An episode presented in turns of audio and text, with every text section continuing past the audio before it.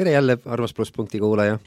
nii tore, et sa oled meiega ja nii tore, et meil on ka teine saatejuht MK. tere!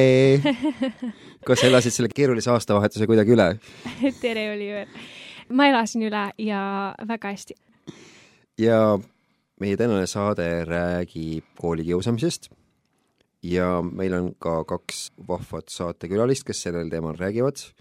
Sten ja Karl, tere! tere! tere! rääkige siis, et kus te olete, mis te teete? mina olen siis Karl Hendrik Paalits ja õpin siis Paldiski gümnaasiumis kaheteistkümnes klassis, viimane klass ja teenin kaasa Kiire baptisti koguduses. aitan noortetööga põhiliselt, aga kui vaja, siis olen ka tehnikatiimis. ja mina olen Sten-Erik Paalits. ma õpin Ulustvere koolis põllumajandust ja käin Toopme kursuses ja tegelen vabal ajal inimestest paletamisega. See teema, millest me täna räägime, on olnud läbi aegade üks selliseid teemasid, mis kuidagi ühiskonnast ei kao, uued põlvkonnad, noored tulevad peale ja ikkagi on inimesi, kes neid kiusavad ja on inimesed, keda kiusatakse. kas te saaksite palun rääkida oma lugudest, et kuidas teil selle kiusamisega olnud on enda kooli ajal? Sten? kuna me oleme suurest perest pärit, siis väga palju riideid ei saa endale lubada. Adidas ja Nike või need. enamus oma riideid tõime kaltsukast. ja siis oligi vahepeal kooli peal laulud, et paalitsad seisavad sõbrade ees ja teevad nalja. Neil kogu aeg nagu kilekotid käes ja see oli pidevalt kuni põhikooli lõpuni. aga siis, kui põhikool läbi oli, siis natukene kergem. sest mingil hetkel sa nagu nendega enam koos ei ole ja siis sa saad uude kohta minna, ilus et siis selle eest kiusati teid, et olite vaesemast perest või suuremast perest? No pigem mõlemat. Karl? mul oli algklassis olukordi, kus ma võib-olla kuulsin nagu kuskilt klassikaaslast tegevust, et niisuguseid asju tehakse minu nimega või midagi öeldakse minu kohta. teine või kolmas klass, ma isegi ei mäleta mitte, milline see oli, aga oli see huvitav lugu, et üks klassivend võttis mu töövihik, mu kärts tükki, eks. no mina ei julgeks teid kunagi kiusata nagu ses mõttes, et alati olen öelnud, et te olete nagu kaks Tõnissoni, niisugust tursket ja heasüdamlikku ja ja et noh, ma olen niisugune kilu võrreldes teiega, niisugune pisikene, et te olete niisugused tugevad maapoisid. aga, aga mis te arvate, kas teinekord üldse peab olema põhjus, miks inimesi kiusatakse, sest põhjus leiab alati? Sten? jaa, põhjus leiab alati, aga sa ei tea, kuidas teine inimene reageerib ja kui haiget teeb talle. pigem ütleb kümme korda enam kas ma ikka pean selle sõna välja ütlema või ütled võib-olla pigem head. näiteks sul on kena pluus või niimoodi. Emka, kuidas sinul endal olnud kiusamisega kooli ajal? Äh, ma arvan, et mina olen üks õnnelikest inimestest, kes ei ole kiusamisega väga kokku puutunud. ma ei mäleta küll, et mind oleks kunagi kiusatud.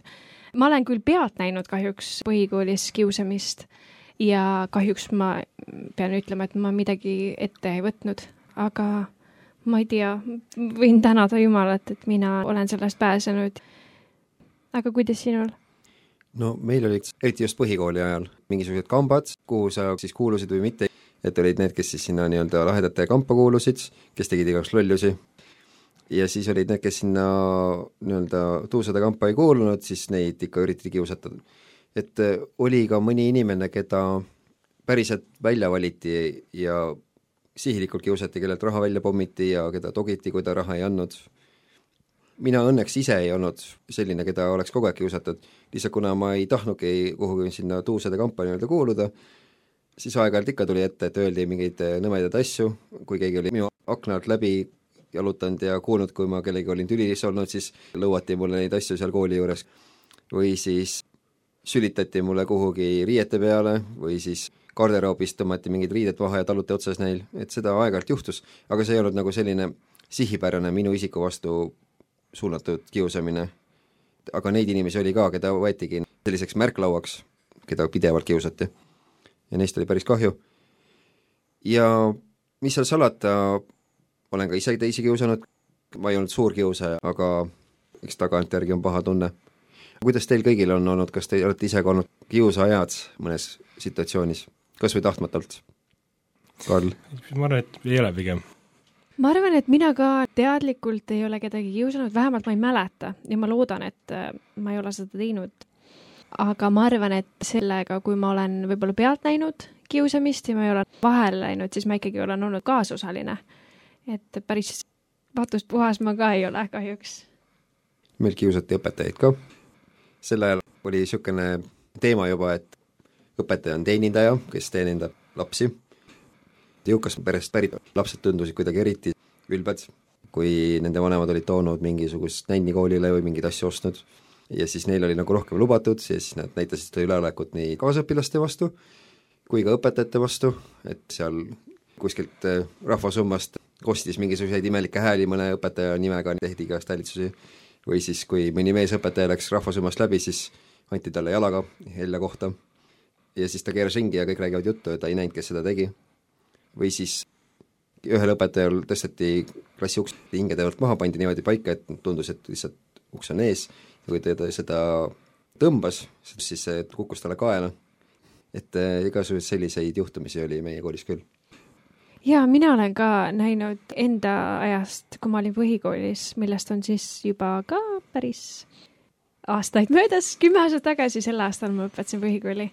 Ja ka mäletan, et ikkagi õpetajaid kiusati taga, et tegelikult see ei ole ainult õpilaste ja. pihta, vaid koolikiusamine võib olla nii õpilastelt õpetajatele kui ka õpetajatelt õpilastele kui ka õpilastelt õpilastele ja igat moodi.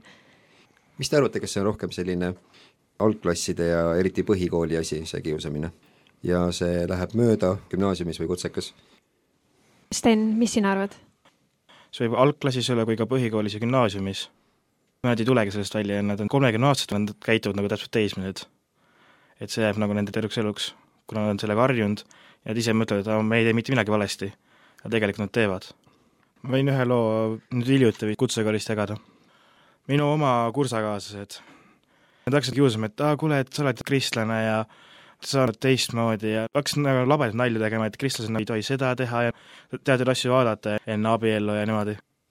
meil on lihatehnoloogia, kus me õpime liha käitlemist ja fileerimist ja siis on seal suitsuahi. ja selle üle nad tegid nalja, et, et aa, Paalits, mine suitsuahi, ma panen ukse kinni. pühavaimuga on nii palju nagu kõnelema, et ärge pange pahaks, kui maailm teid kiusab. samamoodi Taaneli raamatust ongi, et kolm inimest läks ahju, aga neljas oli enda keskel. ja see julgustab mind nii palju. mul on selline küsimus, et mis te arvate, kuidas see koolikiusamine üldse alguse saab, miks inimeses tekib selline trots teise inimese vastu, et ta tahab talle haiget teha, kust see võib alguse saada? Sten, mis sina näiteks arvad? no pigem see võib hakata juba kodust pihta. peresuhtlemised pole nii head ja selle valu, mis su südames on, sa elad välja teiste peal. et nagu ütled, aa, sa ei ole piisavalt väärt ja vaata, millised riided sul veel on.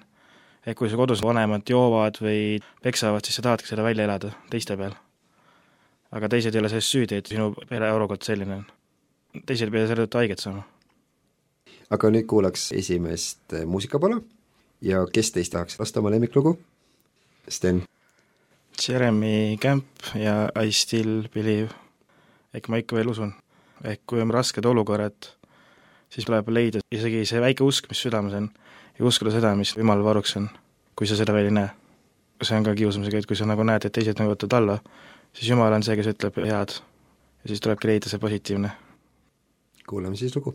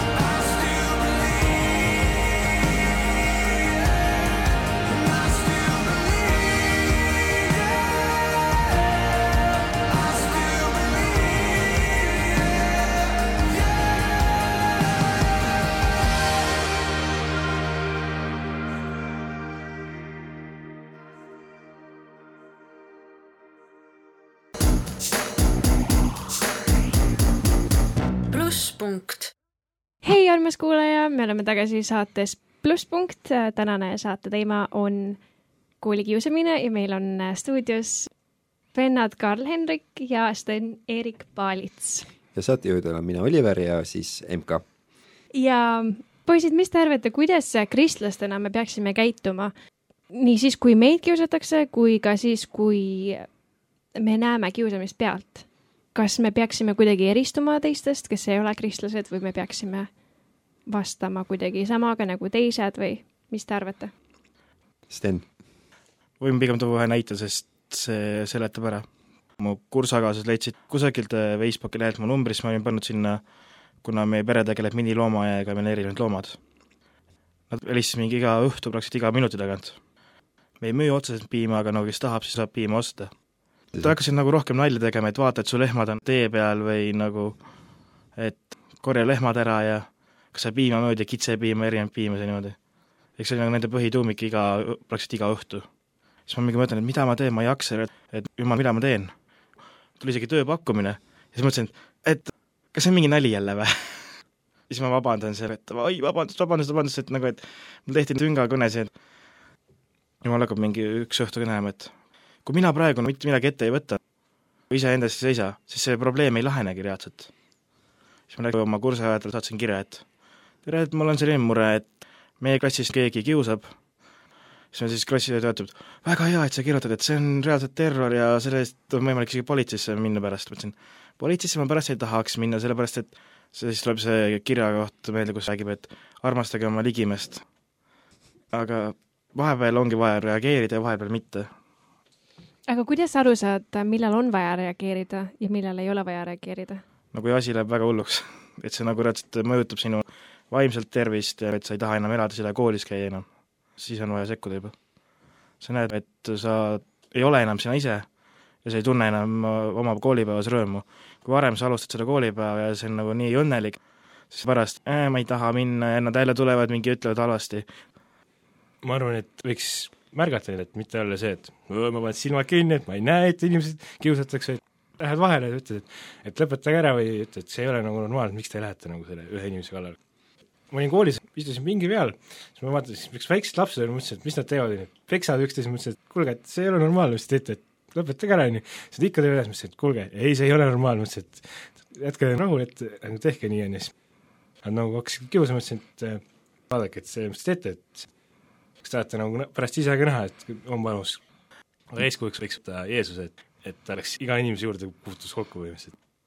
kui tuua üks näide, meil oli Next Step suveseminar ja siis seal oli üks poiss, kellel ei olnud mingi nagu paremad riided sel hetkel seljas. ja ma küsisin nagu, et kuidas sul läheb, siis ta ütles, et hästi. ja siis ma proovisin talle evangeeliumi kuulutada, ehk ma jagasin oma tunnistust. siis ta hakkas mõtlema, et vau, et mul on ka samasugune elu, et ma olen ka samasugust asja läbi tulnud, et mind kiusatakse ka lasteaias, et vaata, et ma natukene priskem ja ma ei ole selline nagu teised ja ja see oli huvitav, kuidas ta selle poole tunniga või mis ma olin seal oma paari sõbraga palvetasime tema eest, ta avas selle väikese ajaga ja rääkis mulle oma enda mured ära, mis tal kodus on. tal kodus ei olnud kõige parem, aga ta usaldas mind võhipöörele, rääkida sellest, mis tema peres on, mis ta vaevab. ja kõige huvitavam asi oli see, et kui me pärast tema eest palvetasime veel, siis ta läks nii särama. jumal täitis ta nii rõõmuga. Sten, kas sa märkasid seda last sellepärast just, et sa nägid nagu teatud sarnasust, et sa tundsid ära mingi situatsiooni või tema välimuse, et sul on umbes sarnaseid asju olnud kunagi? pigem mul on südamel lastega tegeleda ja siis ma mõtlesin, et ma kuulutan talle evangeeliumi ja siis ma saan jagada, et tunnistuseks olla enda elu poolt, kuidas jumal mind läbi kandnud on Mhm. kuidas ma olen toetanud. ja kui ma hästi mäletan, siis ta tahtis isegi piiblit lugeda. mina lugesin talle kirjakohad ette, kuidas ta lihtsalt luges kaasa meiega ja ta oli nii sees sellega. Nii tihti on ühiskonnas see arvamus, et nagu see ei puuduta mind, kui kedagi kiusatakse. mind ei kiusata ju. see on nii vale. keegi kiusab näiteks mingi bussipeatuses ma vahele ei lähe. aga pärast hakkan mõtlema, et aa, äkki oleks ikka pidanud midagi tegema. kõik algab meist endist, ehk kui me ise parandame ehk midagi näeme, siis selle tõttu saab ka teise elu parem olla. kuidas kristlasena käituda kiusamise puhul? oli üks pinginaaber mul, kellega ma alguses hästi läbi sain, aga siis ta, oli sellise hästi tulehark sellise iseloomuga, et ta prohv ütles igast inetuid asju välja kogu aeg, ta võib-olla ise ei pannud tähelegi seda. ja millalgi siis ta hakkas mulle igasuguseid koledaid asju ütlema. ja ma mõtlesin selle peale, et mida Jeesus ütleb, et eh, keera teine põsk ja et ja piiblis on kirjas, et ära tasu kurjale kurjaga. ja siis oli niimoodi, et eh, mõtlesin, okei okay,, ma siis proovin seda, mis on nagu kristlik va- variant. Ja iga asja kohta, mis ta mulle ütles halvasti, ma ütlesin talle kaks head sõna vastu, kui tore ta on ja nii edasi. ta läks nii ähmi täis, siis ta põgenes alumisele korrusele ja ütles, et mul ei saa mitte midagi öelda. see toimib Sten, tahtsid ma võin sinu jutu poole lisada see näiteks, et meie koolis liikas on kõige karmim komandant ja ta lüütakse betooniks. ja siis üks õhtu ma vaatan, et ta on seal ja ütlen, ta on uus soeng. mõtlen, et, mõtlen, et teil on väga kena soeng ja ta läheb nii rõõmsaks. Eks see on see, et äh, märgata tuleb ka head. kui kõik ütlevad, et ta on nii halb, halb, halb, samamoodi nagu minu klassijuhataja puhul, kes mul on kursajuhataja, kõik ütlevad, et ta on halb, halb, mina näen temas head, sest ma suhtlen temaga hästi. ehk on samamoodi, ma külvan positiivsust, mitte negatiivsust kui Jeesus ristil suri ja teda pilgati, sõdurid olid ümber tema ja rahva hulgad, siis mida Jeesus ütles? ta ütles, et isa, anna neile andeks, sest nad ei tea, mida nad teevad. ta hoopis valutas südant enda pärast, et nad ei mõista. ma arvan, et see on meile väga suureks eeskujuks, sest et keegi ei ole meid nii jõhkralt kohelnud, kui Jeesust koheldi. ja keegi ei ole meid risti löönud kunagi. ja ometigi Jeesus ütleb nendele, kes teda kõige hullemini kohtlevad, ütlevad, et isa, anna neile andeks, sest et nad ei tea, mida nad teevad. ma arvan, et kristlastena see võib ka meile nagu hästi kõnekas olla, et tegelikult see, mis meile tehakse, see ei ole pooltki nii hull kui see, mida Jeesus koges ja ometi ta jättis meile sellise eeskuju, et me tegelikult saame õnnistada neid inimesi, halestada nende peale ja, ja palvetada nende eest. sest nad tõesti ei tea, mida nad teevad. mm. -hmm. piiblis on palju kirjakohti, kus räägitakse tegelikult kiusamisest ehk siis teiste pilkamisest ja seal on ka hoiatatud, et eh, pilkajad ei pääse Jumala riiki. aga Jumal on see, kes kohut mõistab ja siis ka pilkajaid karistab, kui nad meelt ei paranda. kuidas teie aru saate näiteks sellest samast kirjakohast, et keera teine põsk, et kas see tähendabki seda, et siis eh, üldse ei tohi kiusamisele vastu hakata? kas ma võin selle ette lugeda? jah, jah, loe. see on Matteuse viis kolmkümmend üheksa ja see ütleb niimoodi, et aga mina ütlen teile, ärge pange vastu inimesele, kes teile kurja teeb, vaid kui keegi lööb sulle vastu paremat põske, keera talle ka teine ette. ehk siis, kui keegi kiusab mind, kas ma peaksin siis ütlema, et no bring it on, nagu ütle kõik, mis sul öelda on või kuidas siis peaks käituma? Sten, see on muide väga hea küsimus ja seda võikski arutlema jääda. aga pigem ma arvan, on see, et seal jooksevad teatud piirid, kus väga haiget saame. Sest kui me hoiamegi endasse, siis me kogume seda, kogume, kogume ja see teeb rohkem meile haiget. ja me piiname ennast. kas see võiks tähendada ka seda, et, et sa ei vasta sellele kurjaga või keeradki selle teise põssa ära, aga pärast seda siis reageerid vastavalt? Te tõite nii toredaid näiteid, kuidas te olite läinud kiusamisele vahele, ilma et te oleksite ise kellelegi kurja teinud, vaid te lihtsalt rääkisite nende inimestega. Mulle tegelikult meenus üks lugu, ma ei ole küll koolis olnud kiusatud, aga ma olen kogenud kiusamist võib-olla siis oma lähikondlaste poolt, inimeste poolt, kes peaksid olema mulle kõige lähedasemad ja just tänu sellele, et ma olen kristlane. ja mul oli mõni aeg tagasi selline lugu, kus üks inimene sai minu peale pahaseks, võib-olla see olnud mingi maailma kõige suurem põhjus, mille pärast pahandada minu peale. aga ta sai nii vihaseks, et ta hakkas lihtsalt mind sõimama heast peast ja roppude sõnadega kutsuma. ja ma istusin seal ja ma lihtsalt oma mõttes õnnistasin teda. ma ütlesin, et ma tühistan praegu kõik sõnad, mis ta minu kohta ütleb ja ma õnnistan teda ja ma ei- üldse ei arva temast halvasti. kui ma oleks talle vastu hakanud, siis ta oleks veel rohkem läinud, see oleks edasi ketranud ja see võib-olla oleks aina hullemaks läinud. aga kuna ma otsustasin, et ma jään vaikseks, ma lihtsalt söön oma putru seal ja ei tee nendest sõnadest midagi väga suurt. see oli päris raske, sest sa pead tegema selle otsuse, et okei okay,, et praegu tulevad mingid väga ropud sõnad minu suunas. aga ma otsustan, et ma jään vait ja ma õnnistan teda ja ma usun, et hiljem ma siis sain maitsta seda vilja ka, et ta nägi, et aa, okei okay,, et ta ei hakanudki vastu, vaid ta jäi rahulikuks. Sten, pigem ära kannatada see, mis ta ütleb. kui see, et sa hakkad midagi pärast kahetsed, mis sa ütled oma vihaos, on võimalus vabandust paluda, pigem mõtle seda, mis sa enam ütled. miks piiblis ongi öeldud seda, et ära tasu kurjale kurjaga, et siis see olukord ainult läheb hullemaks, et sa kerib nagu lumepall ainult suuremaks, suuremaks, suuremaks, see, kellele sa tasud kurjaga, tema läheb tigedaks, siis lähed sina veel tigedamaks ja see ei lõpegi kunagi ära tegelikult. keegi peab selle lõpu tegema õigel ajal.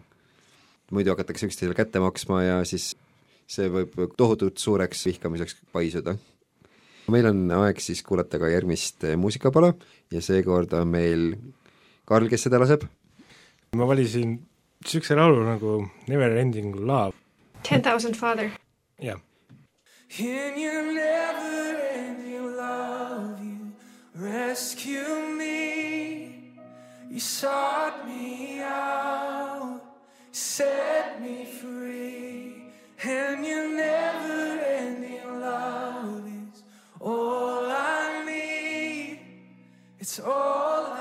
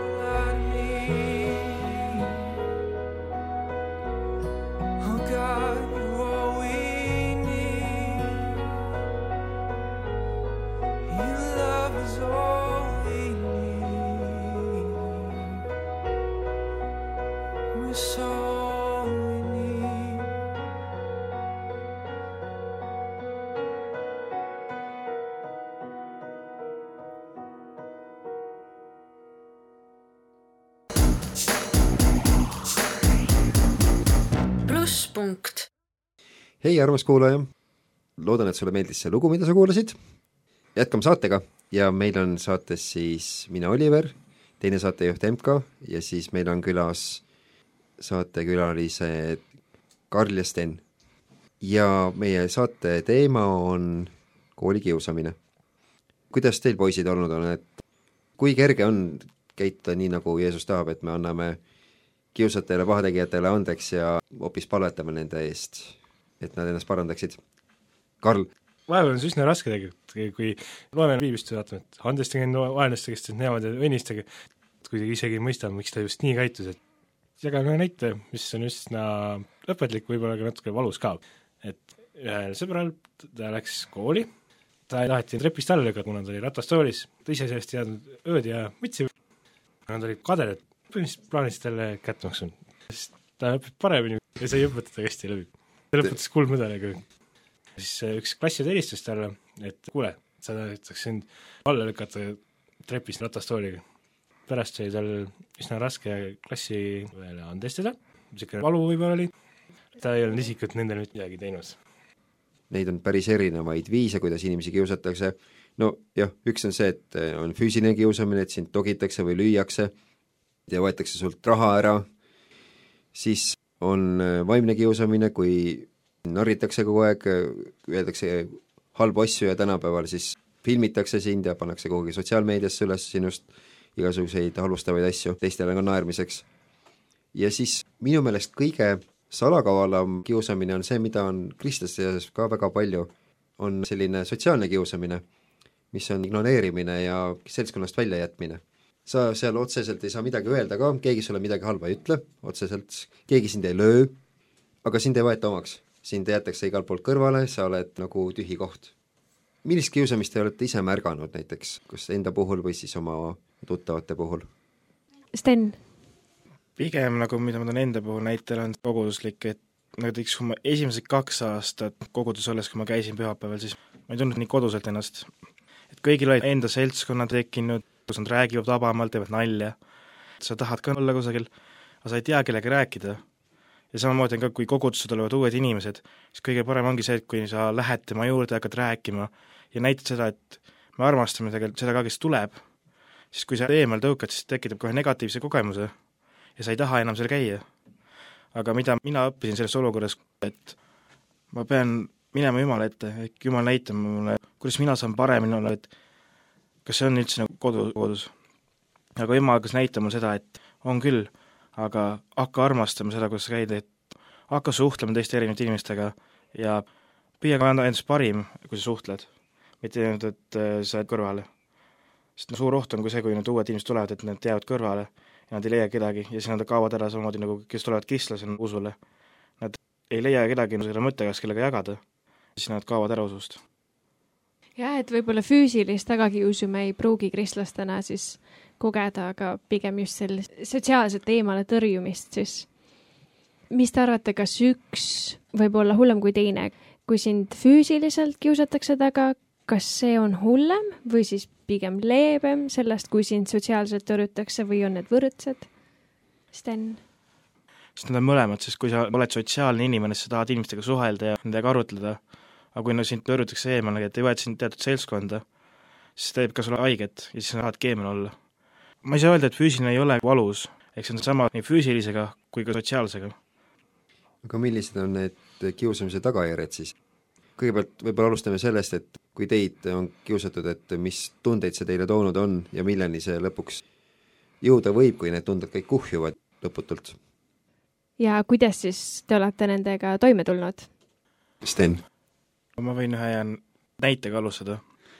kui seda kristlikku elustiili ehk Jumalat minu elus olema selleks, siis ma oleks endalt elu võtnud, sest ma ei suutnud, sest see nagu viis mind sinnamaani, et ma tundsin, et ma ei ole enam väärtuslik, mu oma enesehinnang hakkas mind mõjutama ja ma tundsin, et ma ei taha olla enam elus, ma ei suuda enam positiivseid mõtteid enda elus leida, ehk ma ei tunne rõõmu isegi koolis käimisest. ja see hakkas mu hindeid ka mõjutama, ehk kui tavaliselt püüan neljad-viied olla, kui ma enesekindlam olen, siis hakkasid kolmed tulema rohkem ja ma ei viitsinud pingutada. ma sain aru, et kui Jumal ei oleks mind selle olukorras aidanud, ma ei oleks läinud kogudusse, siis ma ei räägiks siin neid lugusid. ma olen õppinud enda elus viimasel ajal näiteks eriti veel seda, et esimene asi, kui ma reaalselt tunnengi nagu mingit valu või keegi midagi halvasti ütleb, ma lähen reaalselt nagu mõtlen, et jumal, siin ma olen, ma olen täpselt selline, ma tunnen nii, nagu ma olen, mul on valu ja ma panen mingi ülistusloo peale ja ma lähen Jumala ette nii rääkima, nagu ma tunnen sel hetkel. mingi paar päeva tagasi ma olin Jumala ees. see on nii valus on, kes mul osad on haiget teinud ja nii koolikaaslased, see siiamaani on mõju olnud. isegi kui ma nagu tunnen, et südames ma olen andeks saanud. ja siis ma ärkan hommikul üles, mõtlen, et midagi on teistmoodi. ma tunnen enda sees armastust. ja see on see, mida Jumal pakub, isegi kui sa nagu tunned valu või kurbust. me läheme sisimas nii katki, et me ei tea, mida teha, aga Jumal annab seda armastust ja heldust, mis meil vaja on selleks, et sellest kiusamisest välja tulla.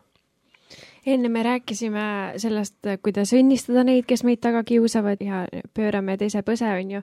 ja see võib-olla tundub nagu teoorias hästi lihtne, aga tegelikult see võib olla väga-väga raske. ja need tagajärjed ka võivad olla väga hullud, nagu sina ütlesid ka, et, et sa tundsid, et sa enam ei taha elada ja sa enam ei taha võib-olla koolis käia ja et tegelikult on see väga, väga raske teema ja sellel võivad olla väga-väga tõsised tagajärjed. teeme oma kolmanda muusikapausi, Sten, mis on meie kolmandaks lauluks? kolmandaks lauluks on Jussei ja Lauren Teigel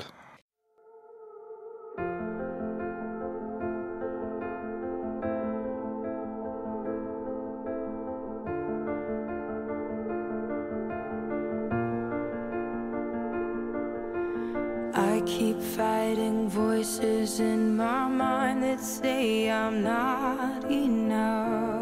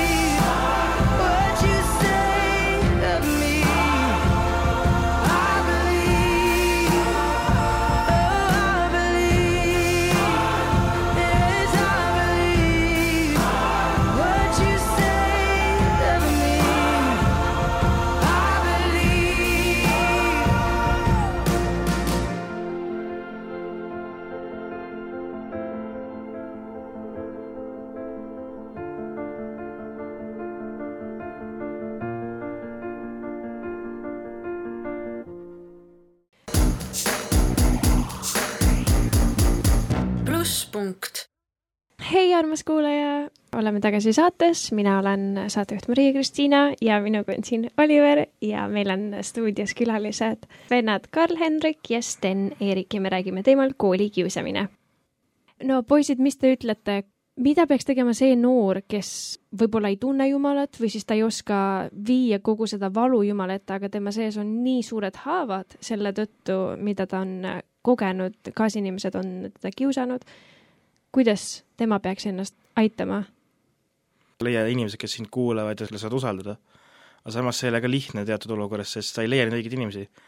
sest vahepeal on inimesi raskem usaldada, kui sa oled nii palju haiget saanud, et sa ei suuda minna inimese juurde, kes annaks nõu.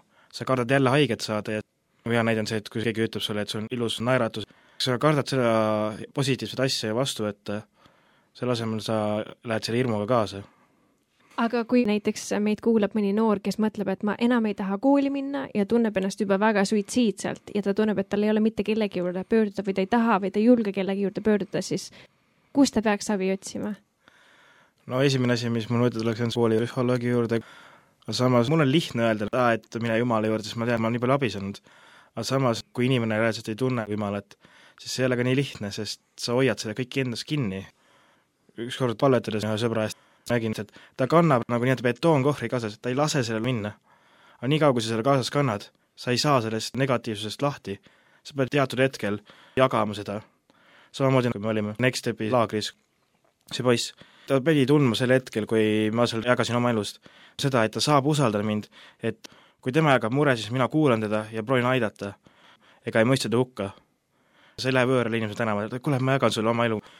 sa pead leidma selle usalduse inimesega, see on raske, aga sa pead kuidagigi leidma selle, kes sind ütle ükski sõna, vaid kuulab ära ja siis alles hakkab jagama sulle. kas siinkohal tasuks mõelda ka sellele, et et võiks rääkida vanematele, kui sa tead, et vanemad sinust päriselt hoolivad. noortel on ju tihti see, et nad üritavad vanemaid vältida ja vanematele mitte asju enam rääkida, sest tahetakse pigem rääkida oma sõpradega ja peetakse sõpru ja teisi noori olulisemaks või mingeid iidoleid kui vanemaid. Et kas tegelikult tasuks ka vanemaid usaldada nendes asjades? pigem ikka tasuks küll vanemaid usaldada. ma teen enda kogemuse puhul, et mul on eriti veel isaga, peres on lahkhelid ka vahepeal. ja siis ongi nii raske oma kas või isale või emale rääkida, sa tunned seda, et ta ei kuula sind piisavalt. sest ta ei saa sellest probleemist aru, aga tegelikult sisimas ta tegelikult tahab head ja ta armastab sind. ta ei mõista sind hukka, ehk ta on see esimene lähedane inimene, kellele sa võiksid jagada, kui sa tunned, et sul on valus, sa oled muidugi perekonna taustas, sest kui sul ema joob ja siis sa võiks leida koolist hea õpetaja, kellele jagada, või kellega sa väga hästi läbi saad, kellega sa tunned niimoodi, et tal vestelda on hea, ja jagada talle, mida sa tunned enda südames. piiblis on üks väga hea kirjakoht, et kui keegi komistab või kukub sama nagu koormatega, siis teine tõstab ta üles. ja siis on see, et kui sa julgustad ja tõstad ta üles heade sõnadega, see muudab tegelikult inimese päeva palju paremaks. Ta näeb rohkem rõõmu, ta hakkab tasapisi tulema välja sellest kõigest negatiivsest. kui sa ei tea, kelle poole pöörduda, proovi ikka leida keegi, see on lihtne öelda, aga vähemalt alusta, sest väiksed sammud ja siis näed, kus toimub positiivsed muutused. samas see mõjutab ka enesekindlust.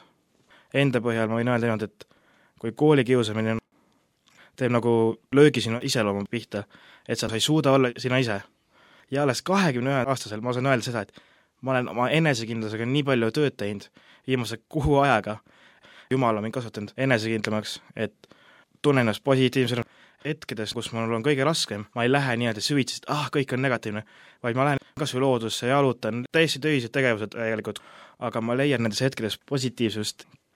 Karl, tahtsid midagi lisada? tegelikult võiks võib-olla enda koguduspastorit jagada, kui sa ise kellegi teisele ei suuda jagada. pastoril ei ole lihtne minna jagama, et kuna sul tekib see arvamus, et tal on teatud tegevused, ta peab palvetama, see ongi see, et vaenlane hakkab ründama, ta vaatab, kuhu ta saab selle konksu panna. ja kui see konks on sisse pandud tema poolt, siis ta hakkab seda susitama. ja see ongi koguduste puhul ka, et pigem märgata teistes koguduse liikmetest head, palvetada nende eest ja nagu kui näed, et keegi nagu tunneb ennast üksikuna, mine tema juurde ja räägi temaga ja saa temaga tuttavaks, sest sa ei tea näiteks, mis konkreetne inimene see on.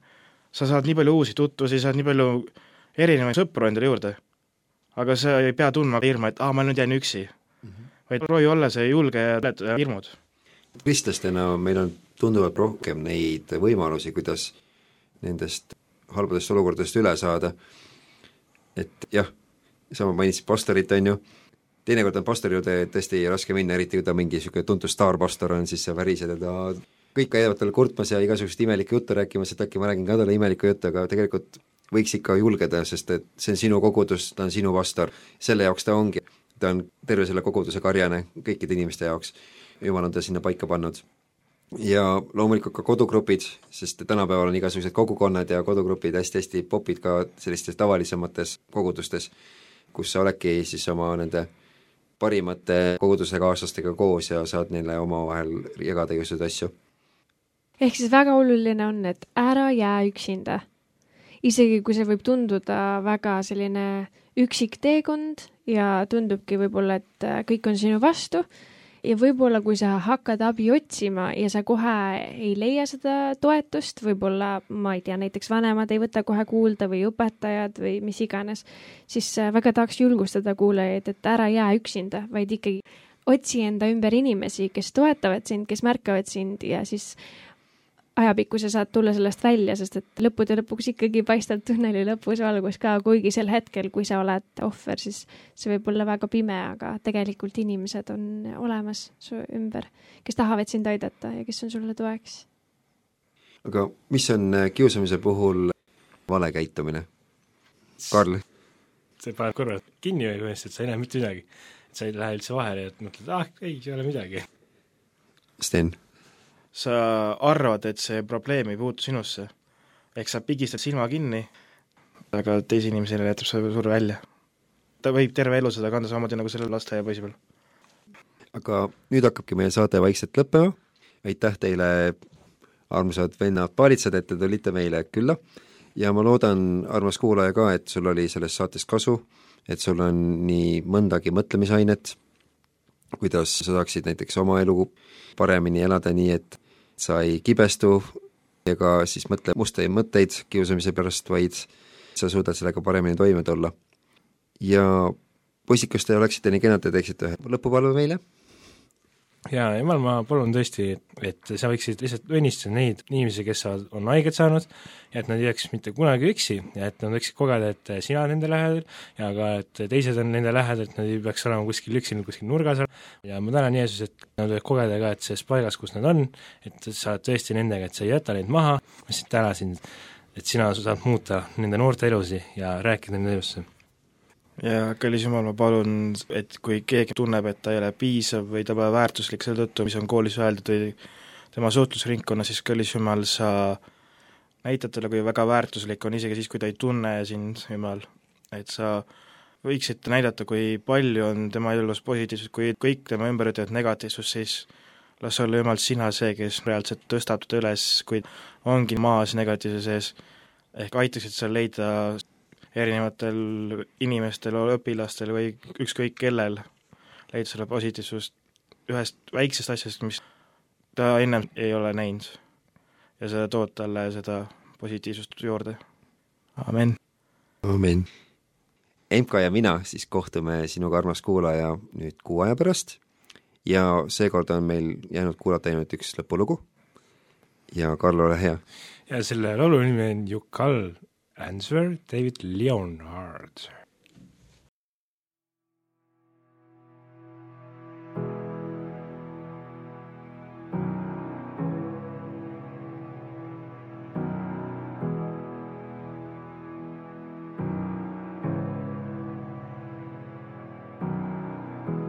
Heaven's cards, they ain't been easy. I've been dealt the lowest hand. And it gets tough before it gets any better. Like I'm stuck watching falling sand. And though I feel it in my bones, feel it underneath my skin, my is with me, and He says,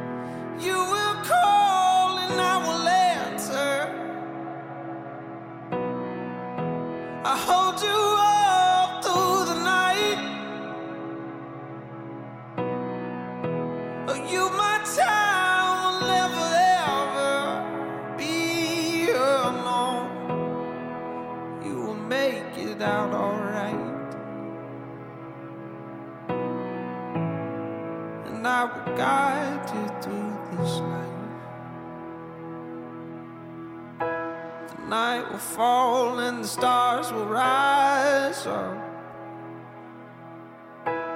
bringing light when I can't stand. And on this day, this very hour, yeah, I embrace your glorious plan.